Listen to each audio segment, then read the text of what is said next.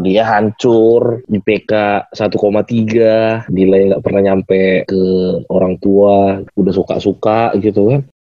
Are you ready?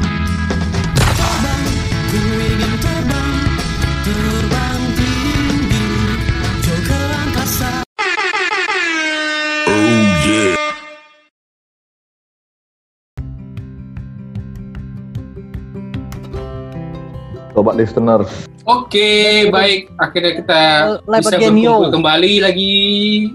Jadi, untuk tema obrolan kali ini adalah kenapa kalian pilih kuliah jurusan komunikasi? Oke, siapa dulu nih yang mau share?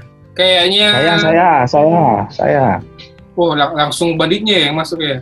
Yaudah, Gor. Oh. Boleh ceritain, Gor. Awalnya kan aku sempat salah jurusan. Bukan salah jurusan juga sih. Nggak bertanggung jawab lah terhadap pilihan. Aku alumni 2006. Jadi tahun 2006 itu kan masuk di KOM 2008 ya, ada jeda 2 tahun. 2006 itu aku SPMB jebol di UNIP Bengkulu. Atas dasar pilihan apa milih kuliah di Bengkulu, Gor? Dan jurusan apa itu? Jurusan akuntansi. Sorry ya, token habis, sorry. Astagfirullah. Ya, bakal hilang gitu. Oke, anggap aja ringtone ya guys. Ya lah. Back, back sound, back sound. Ya. Jadi pod- podcast kita disponsori oleh PLN. Aku cinta PLN. Aduh, token, token. A few moments later. Gor, udah diisi belum Gor? Token listrik Gor. Aman, aman, aman. Aman, aman, aman. Yaudah Gor, ceritain Oke. dong Gor. Kenapa kau setelah 2 tahun kuliah memutuskan untuk mengambil kuliah lagi di tempat lain? Dan mengapa dipilih komunikasi? Iya, dulu kan ngambilnya kan apa kayak seolah-olah belum siap merantau gitu loh, nggak bertanggung jawab kan. Kuliah hancur, IPK 1,3, nilai nggak pernah nyampe ke orang tua. Ya akhirnya pulang kampung lah, nyoba lagi lah ngetes apa UMB, ujian masuk bersama. Terus kenapa ngambil komunikasi? Aku kan dulu kan basicnya kan IPS kan. Jadi IPS ini kan terbatas ya apanya pilihannya. Ya aku malas berhubungan dengan angka-angka kan. Otomatis ekonomi di skip lah. Tinggallah pilihan fisip sama hukum gitu. Sastra sastra nggak minat pula. Masuklah ke fisip. Nah dari fisip itu kan ya dilihatlah passing grade-nya yang tertinggi. Jadi sebenarnya nggak ada pema- nggak ada gambaran awal juga kenapa memilih komunikasi ya. Pokoknya pilihannya fisip. Eh rupanya lulus. Ya jadilah SIKOM empat tahun kemudian. Ya, Iya. tapi jangan salah loh, dulu komunikasi itu, USU itu passing grade-nya paling tinggi di FISIP loh. Iya, bersaing lah sama Hukum, cuma beda satu persen doang dulu, menurut eh, Ganesha Operation. udah kalah pamor ekonomi kan karena ekonomi juga udah banyak kali ya.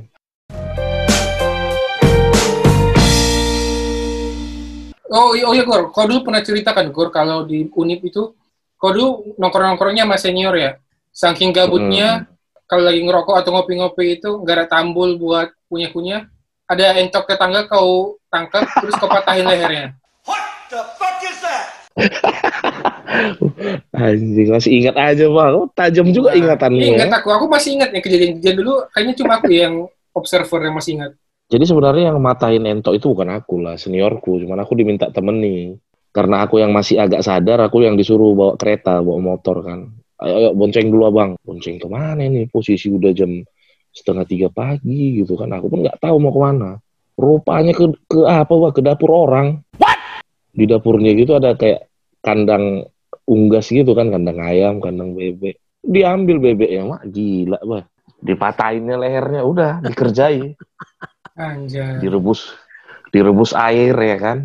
Dicabuti dibuluin disembeli bebeknya udah dibakar. Wah ekstrim lah. What the fuck? Iya jadi agak belangsa juga lah di pas di Bengkulu itu kan. I got a bad feeling about this. yang pertama itu ya salah gaul. Aku gaulnya udah sama opung-opungnya gitu kan. Anak 99 anak 98 gitu. Kau Yang itu orang itu- angkatan 2004 ya? 2006 Oh, 2006. Wah, lah, Iya. jauh juga itu 9 99 sama 2000. Iya.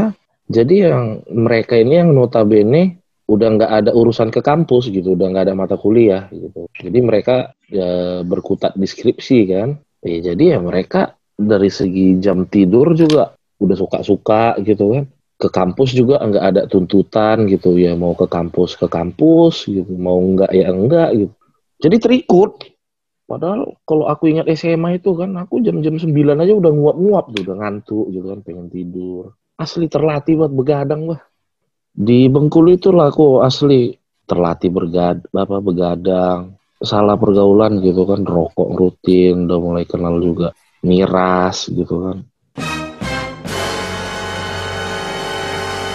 Aku itu ingat kali tuh, aku bangun pagi itu selalu jam 11 siang. Bangun mau sarapan tapi posisi makan siang kan udah siang, udah jam 12 gitu kan. Kadang kalau ketemu kawan kan, iya, mano Wak? ngapo udah kuliah?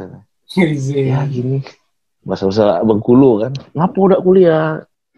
Iya, lagi kurang enak badan. Apanya yang kurang enak badan? Kan orang begadang tidur jam 4 jam 5 sampai mata bekantong gini. Berapa lama ya kayak gitu kau ngalamin Ah. hal-hal yang kayak gitu sama senior gabung? Ya satu setengah tahun lah. Hmm, satu setengah tahun termasuk lama juga loh. Terus ada dulu kau, kalau nggak salah, aku ingat tuh ada berapa lama gitu kau. Kau bilang Hmm. supaya hemat, entah hemat makan atau apa, kau makan itu apa namanya? Kriuk-kriuk gorengan itu. Iya, namanya nge- ngekos ini kan modalnya kan kiriman gitu. Mm, mm, mm.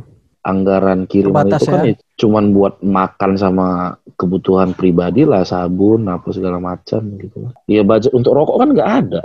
Hmm. Sementara di situ aku udah mulai rutin untuk merokok gitu ya. Mau nggak mau budget untuk makan itu tiga kali sehari, ya sarapan udah di skip gitu kan. Jadilah dua kali makan apa sehari. Nah ternyata nggak cukup juga, dipotong lagi. Aku cuma makan siang. Buset. Jadi cateringku itu hanya 30 kali makan lah selama sebulan. Jadi makan malam itu ya gorengan aja beli. Zaman dulu gorengan masih 500 apa ya? 500 ya. Nah, 500. Banyakin Beli gorengan. banyakin kriuknya ya. Iya bang, ya banyakin keraknya. Anjay. Itu kau Itu berapa kan. lama gitu survive, Bro? Sampai aku pulang lah. Wow. Sampai memang berat badanku di situ ideal jadinya. Turun. Bukan berat main. badan aku di angka 78. Perjuangan seorang Bagor ya. Terus Gor, eh, sampai kau bisa diminggat dari Unip itu kayak gimana? Kau ngomong ke orang tuamu, ketahuan apa gimana gitu? Jadi karena nilai nggak sampai, wah, nilai nggak sampai sama eh, ke kampung kan ke orang tua. Jadi tanpa sepengetahuan aku, rupanya bapakku berangkat ke Bengkulu tanpa memberitahukan aku sebelumnya gitu. Jadi disidak lah ini dari apa? Satpol PP Tanjung Sari. dari kepala Satpol PP Tanjung Sari. kan.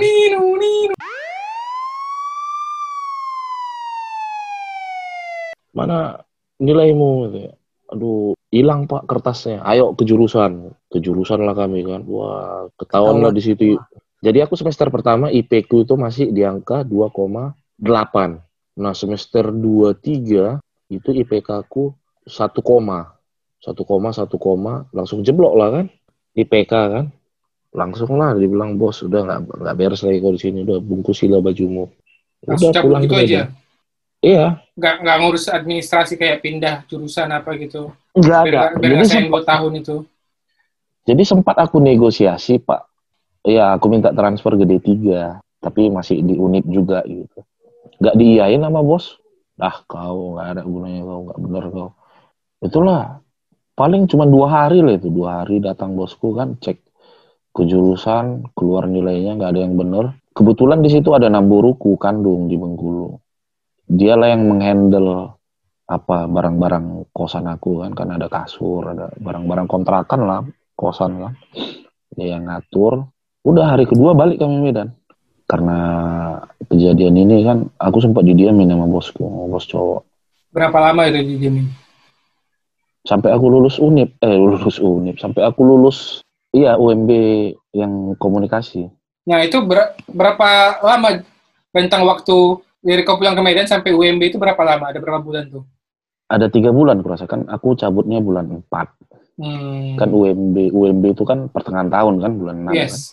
jadi asli nggak dicakapin bos cowok kan ya apa-apa kebutuhan sama bos cewek lah sama bos cewek diarahin lah aku ikut bimbel intensif di Bima. Oh Wih. di Bima. Senganya Geo itu. Tahu kenapa di Bima? Kenapa? Karena ada diskon 50% anak guru. Oh. Sama dong kayak Kalau- Medika. Medika kan masalah gitu juga. Medika 30, Oh ada juga, oh, iya, tapi lebih kecil ya. G- GO 15. Oh gitu. Paling- Paling besar itu Bima. Paling besar itu Bima 50% ya. Tiga bulan ya rentang waktu kau Mm-mm. gitu nyampe Mudan menuju Medan apa? Nyampe Medan tiga bulan setelahnya itu ada UMB. Nah, Mm-mm. kau tiga bulan itu ada kepikiran la- lagi nggak untuk merantau? Apa memang udah stuck dipaksa harus Nggak di- mungkin. Ya udah blacklist lah Udah be- cerita blacklist ya. merantau. Udah gak ada pilihan lagi Karena lah itu. Karena ya itu kau udah dikasih kesempatan tapi nggak bertanggung jawab gitu kan. Itulah ceritanya. Jadi balik ke Medan kan nggak dicakapin ini kan. Jadi semua kebutuhan itu ya melalui bos cewek lah. Karena kan pressernya ngeri Wak. Jadi seandainya misalnya aku nggak lulus apa UMB, ya aku tetap ngulang dari nol lagi di swasta. Hmm, Sementara posisinya kan di situ kan abangku kan kuliah juga. Cengap-cengap lah bos ngebiayainya dari mana. Iya, swasta ya. makanya pressernya itu besar lah untuk aku bisa harus lulus gitu. Jadi memang bener-bener bimbel itu kan ya aku seriusin lah. Nah, waktu ngambil jurusan ilmu komunikasi ini ada diskusi nggak kau pernah sama orang tua? Enggak, aku diskusinya sama orang bimbelnya gitu. Aku Nanya-nanya kan sebenarnya di satu sisi memang kan karena aku udah pernah kuliah kan aku udah tahu lah apa eh, anak yang hukum itu gimana sih belajarnya, Iya, iya. anak fisip gimana sih, Dapat anak gambaran ekonomi. lah ya. Nah, Mm. anak sastra gimana.